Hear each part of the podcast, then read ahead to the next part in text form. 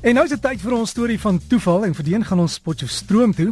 Onthou, let net daarop dat toevallige stories wat ingestuur of ingebel word na RSG toe gebruik kan word in boekvorm of ons kan dit digitaal saamstel, uitgee en verkoop sonder vergoeding of addisionele toestemming van die bydraer. So, as jy 'n storie vir ons stuur, asseblief neem aan, ons kan dit gebruik soos ek nou net genoem het. Nou hier is Willie van Tonner van Potche storie en hy sê hierdie storie gaan ons teruggaan hier na die 60er jare en ek was 'n instrukteur in die militêre infanterie bataljon in Potchefstroom en toe word operasie Spitskop aangekondig. Nou so 'n operasie was 'n massiewe weermag skynoorlog met vliegtye en regte bomme en honderde troepe teen 'n denkbeeldige vyand. Ons moes oefen. Potchefstroom weermaggronde was die plek waar dit gebeur het en dit is een massiewe stuk aarde en vir meer as 2 weke was dit oorlog in die ware sin van die woord.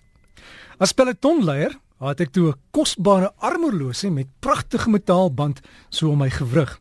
En te verstaan was die oorlog wesentlik met bietjie hardloop en bietjie skiet en meer skiet en dan neerslaat en rol en val en ons het vuil geword om skuilings bou en alles was asof dit werklik gevegte was wat plaasgevind het.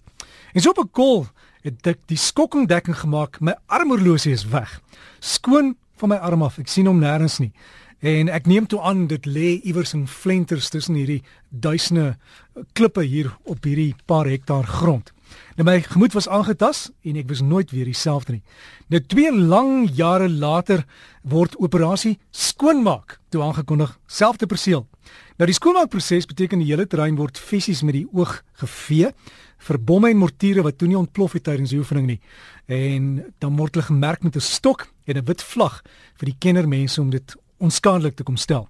Nou die skoonmaakproses word gedoen deur honderde troepe in 'n reguit linie op te stel, so 1 meter uit mekaar en dan loop hulle stadig en kyk na elke grasbol, elke bossie, elke klip en hulle moet dan hierdie hele veld deursoek. Nou die formaat word dan behou met radio en daar's heeltyd verbinding en ek dink ek gaan 'n kans vat. En ek kondig oor hierdie radio aan dat die troep asseblief moet kyk of hulle nie my horlosie iewers sien nie. En so op die 4de dag van operasie skoonmaak, kom dit oor die radio. Ons het 'n armoerlosie opgetel. My hart het gebolle makiesie en hand oor hand word die horlosie toe aan my teruggegee.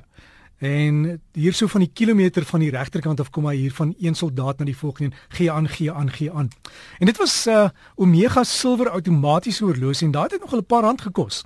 En so met die aangee is dit natuurlik bietjie geskit en ek het dit toe later in my hand ontvang en ek sien toe die lopende horlosie sonder merk of roes is net die pinnetjie aan die armbandjie wat weg was. En ek het dit gou weer laat regmaak. Hy sê Dirk maar dit is nou so 'n bietjie toeval maar so jaar gelede 54 jaar later is dit nou tydens huisbraak uit my kas gesteel. Baie dankie vir jou brief Willie van Tonner in Potchefstroom.